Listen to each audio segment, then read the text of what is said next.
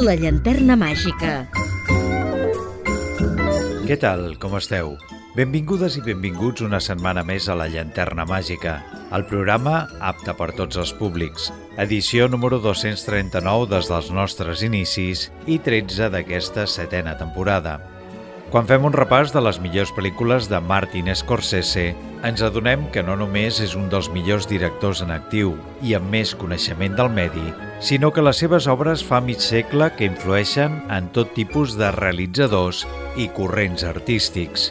Guanyadors d'un sol Òscar a la millor direcció, malgrat les vuit nominacions, la qualitat i repercussió dels seus treballs com a realitzador no oblidem que també ha realitzat tasques com a guionista i productor, dèiem, la qualitat i repercussió dels seus treballs com a realitzador per la gran pantalla fa realment difícil abordar la realització d'un rànquing. Però tot i això, ja que la setmana passada ens ho van proposar, aquesta setmana continuarem amb aquest recorregut al llarg de la seva filmografia a través de les seves bandes sonores. Però abans d'endinsar-nos en el tema, deixeu-me que us recordi que podeu seguir la nostra activitat i escoltar els darrers programes emesos a les xarxes socials. Segueix el programa al Facebook facebook.com barra la llanterna màgica. Posem a la vostra disposició una adreça de correu electrònic per si us cal contactar amb nosaltres o fer-nos arribar les vostres consultes o suggeriments. Vols contactar amb el programa? llanterna01 arroba gmail.com Un cop fetes les presentacions, comencem. La llanterna màgica, amb Jordi Terrades.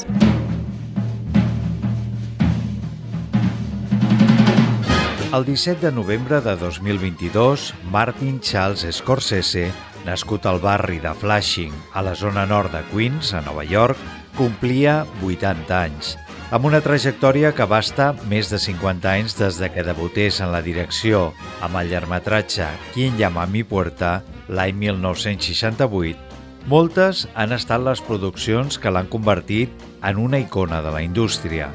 En aquest repàs a la seva filmografia, la setmana anterior ens van quedar a l'any 1990, quan estrenava Uno de los Nuestros.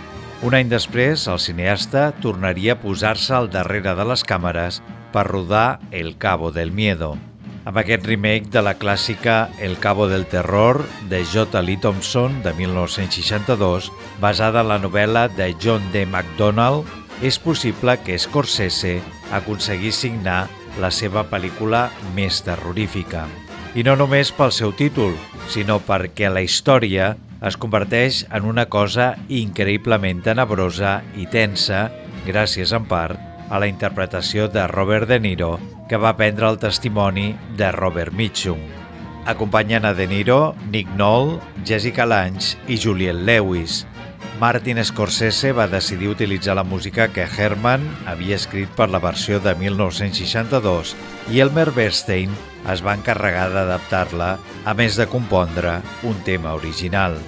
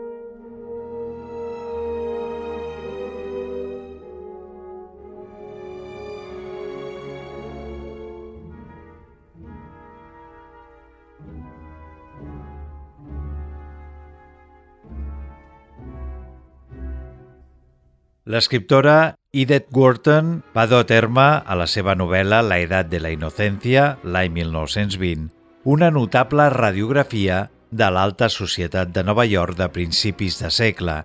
L'èxit de la novel·la facilita la seva primera adaptació per la gran pantalla en una pel·lícula muda de 1924.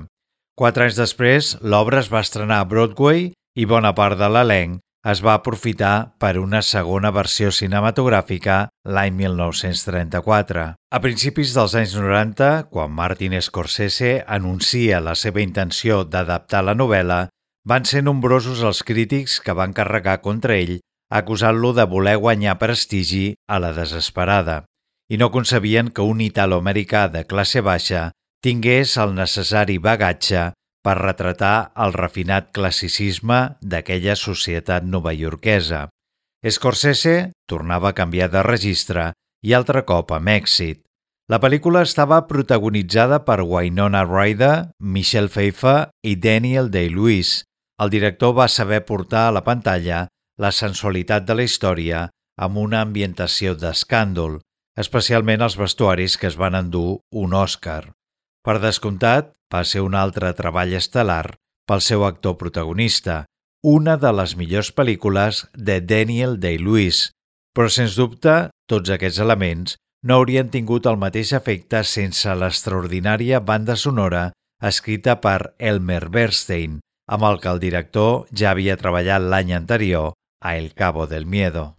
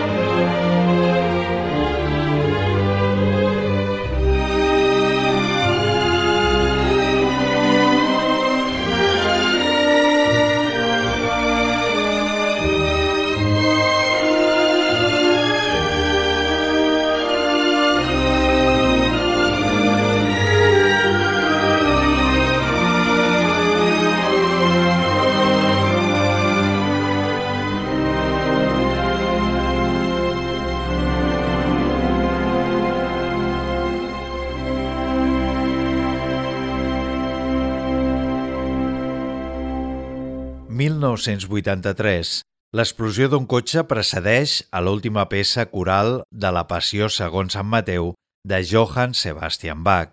Des del principi, Casino, producció de l'any 1995, aspira a convertir les seves imatges en pura música. Els tres personatges més importants, Ace Rostin, Nicky Santoro i Ginger McKenna, són presentats visualment amb el transfons tràgic de la música del genial músic barroc i per la veu en off de Nicky.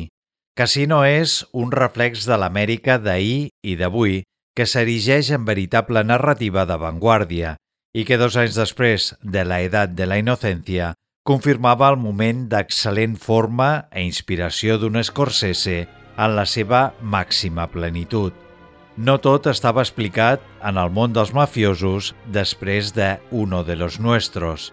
Pot ser que Nicolas Pileggi, autor de Casino, no aconseguís superar el relat de Uno de los Nuestros, però cinematogràficament parlant, el que s'aconsegueix a Casino amb la fotografia de Robert Richardson i muntatge de Thelma Shoemaker torna a demostrar-nos que Scorsese és cinema en estat pur.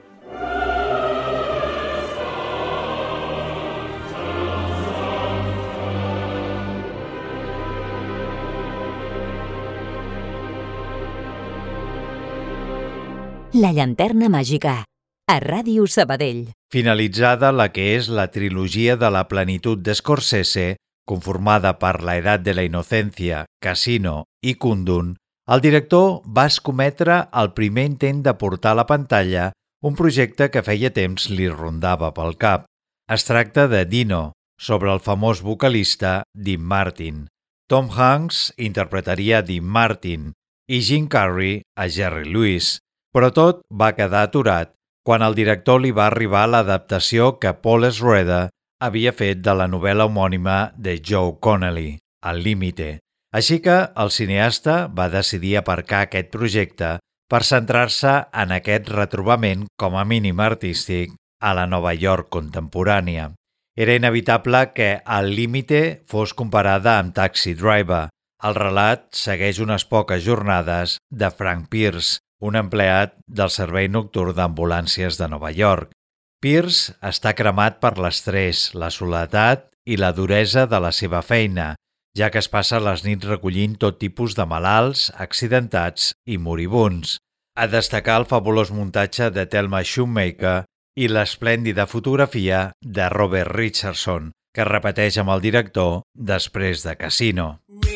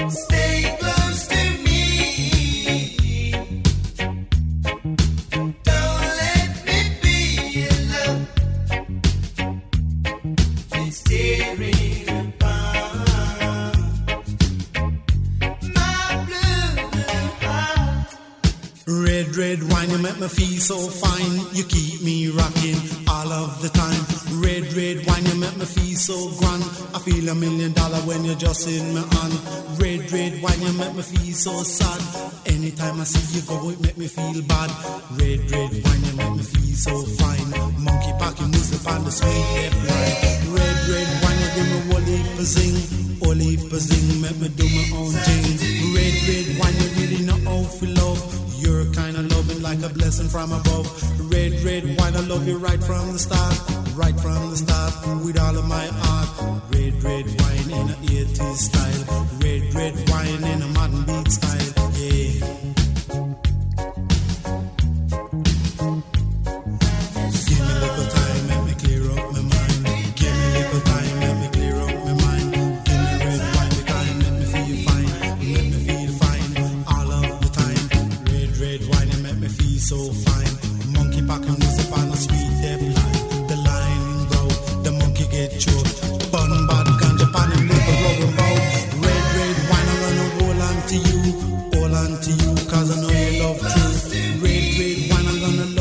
I die, love you till I die, and that's no lie. Red, red wine can't get you off my mind. Wherever you may be, I'll surely find. I'll surely find. Make no fuss, just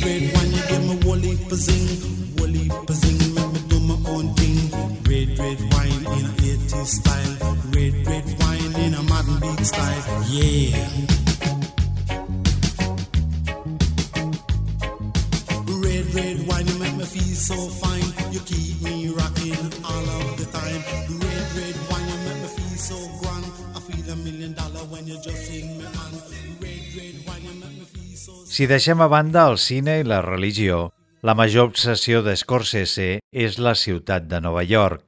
A ella va voler dedicar una gran obra que durant 30 anys va intentar rodar sense cap èxit. L'any 1970 Scorsese va llegir The Gangs of New York, An Informal History of the Underworld, publicat per primera vegada l'any 1927 sota l'autoria de Herbert Hasbury. El llibre versa sobre el baix món de la ciutat en el segle XIX i Scorsese li va veure potencial per una història èpica sobre la batalla per la democràcia moderna estatunidenca. En aquell moment el cineasta era un director jove i només calia esperar el moment oportú. No va ser fins 1979 en què va obtenir els drets, però encara va trigar 20 anys més per portar el projecte a terme. Per crear els escenaris que Scorsese s'havia imaginat, la producció es va realitzar en els grans estudis Cinecittà de Roma, construint gairebé una milla d'edificacions novaiorqueses de mitjans del segle XIX. Gangs of New York va ser nominada a múltiples premis, incloent 10 premis Oscar, entre ells els de millor pel·lícula, millor director i millor guió original. La banda sonora va ser composta per Howard Shore.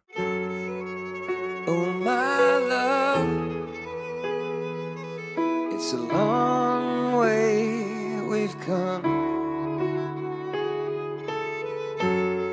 from the freckled hills to the steel and glass canyons, from the stony fields to hanging steel from sky.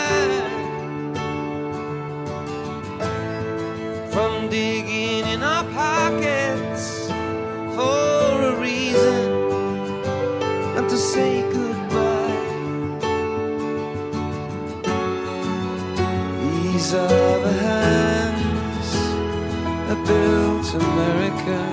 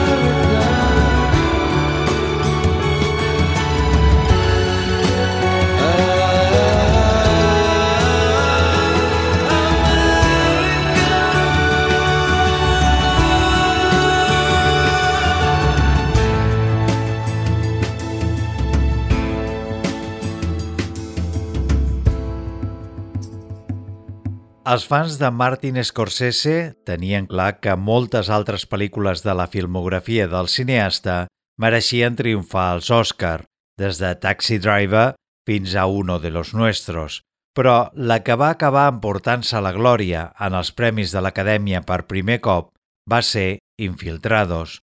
Quatre anys després de que Wai-Ken Lau i Su Fai ens deixessin bocabadats en Juego Sucio, Scorsese ens presenta aquest brillant remake. El film explica com la policia de Boston ha aconseguit infiltrar en una banda de la màfia irlandesa a un dels seus agents, que es va criar en el barri on operen, mentre que la màfia irlandesa ha fet el mateix col·locant un dels seus homes en un alt lloc de la policia. Un intens thriller amb Jack Nicholson, Leonardo DiCaprio i Matt Damon amb el que el director va tornar al cine de màfies i crim organitzat amb un sucós plat de poder, violència i sexe ambientat a Boston.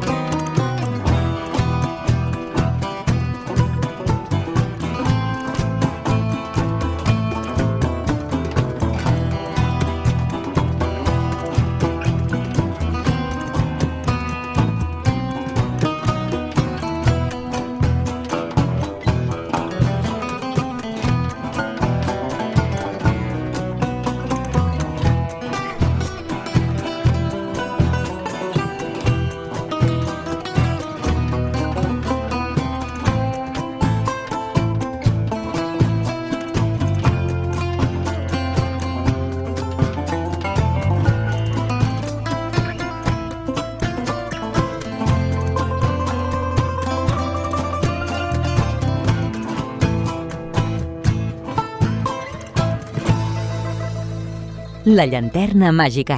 Disponible a Spotify, Apple Podcast i iVox. Shutter Island és una intel·ligent adaptació de la novel·la de Dennis Lehane de l'any 2009, sota un guió de Laita Kilogridis. Si hem de buscar una referència entre la filmografia d'Scorsese, possiblement la que més s'acosta és El Cabo del Miedo. El director italoamericà s'ha creat des del primer moment un ambient opressiu ajudat pels cels encapotats que anuncien tormenta i els sons de la partitura musical. Quan pensem en psiquiàtrics, ens ven al cap títols inoblidables com Alguien voló sobre el nido del cuco, però Scorsese menciona que s'ha inspirat en altres referències clàssiques, com El gabinete del doctor Caligari, Laura o Retorno al pasado, tot i que també es podrien mencionar títols de Hitchcock com Recuerda o Vértigo. Aquesta pot ser una de les pel·lícules més internacionalment sorprenents del director, i és que conté un dels millors girs del guió de la història del cinema.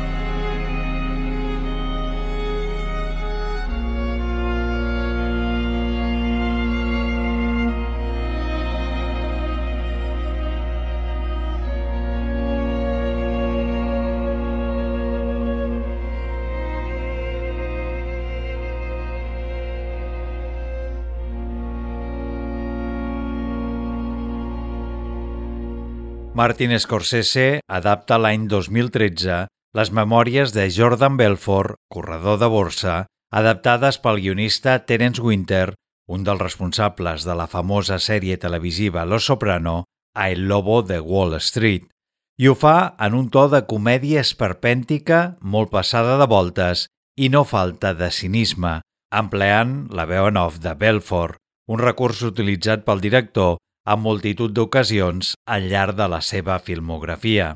Basada en un fet real, El Lobo de Wall Street explica l'inversemblant auge i la contínua caiguda al regne del plaer de Jordan Belfort, interpretat un cop més per DiCaprio. El corredor de borsa novaiorquès que, juntament amb els seus alegres col·legues, van amassar una descomunal fortuna estafant milions de dòlars als seus inversors.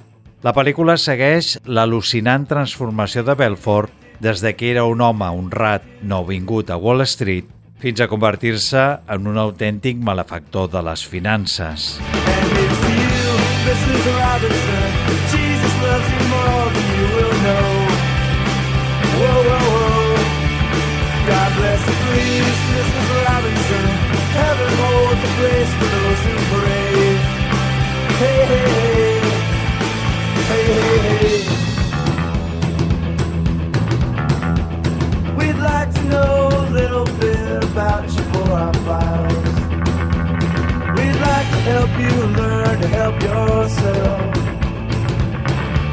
Around you, all you see are sympathetic guys. Stroll around the grounds until you feel at home. And here's to you, Mrs. Robinson. Jesus loves you more than you will know. Whoa, whoa, whoa. God bless you, please, Mrs. Robinson. Heaven holds a place for those who pray. Hey, hey, hey. Hey, hey,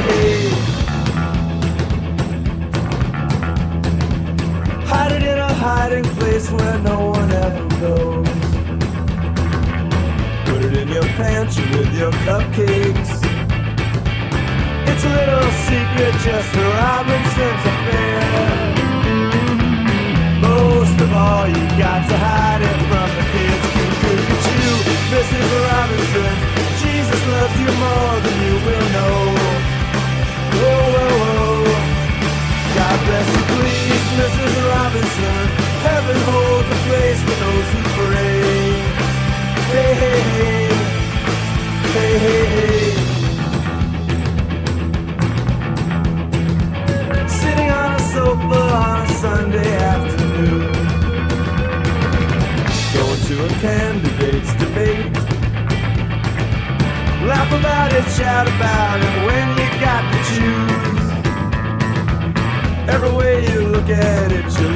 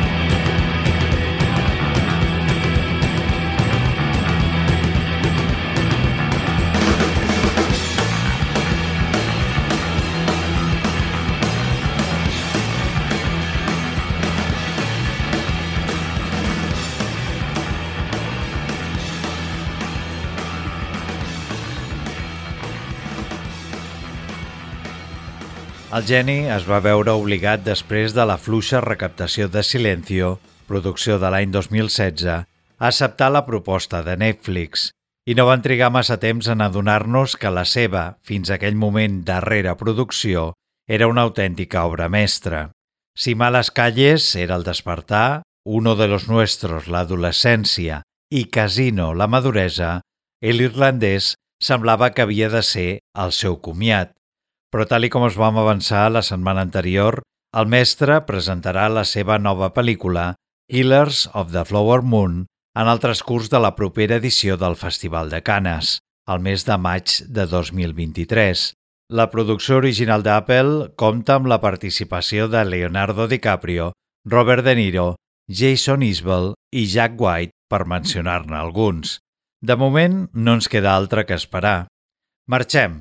Rebeu una salutació de qui us ha estat acompanyant al llarg d'aquest programa, Jordi Terrades. Gràcies per la vostra atenció. Com sempre us diem, sense vosaltres no seríem res i us esperem a la propera edició de La Llanterna Màgica.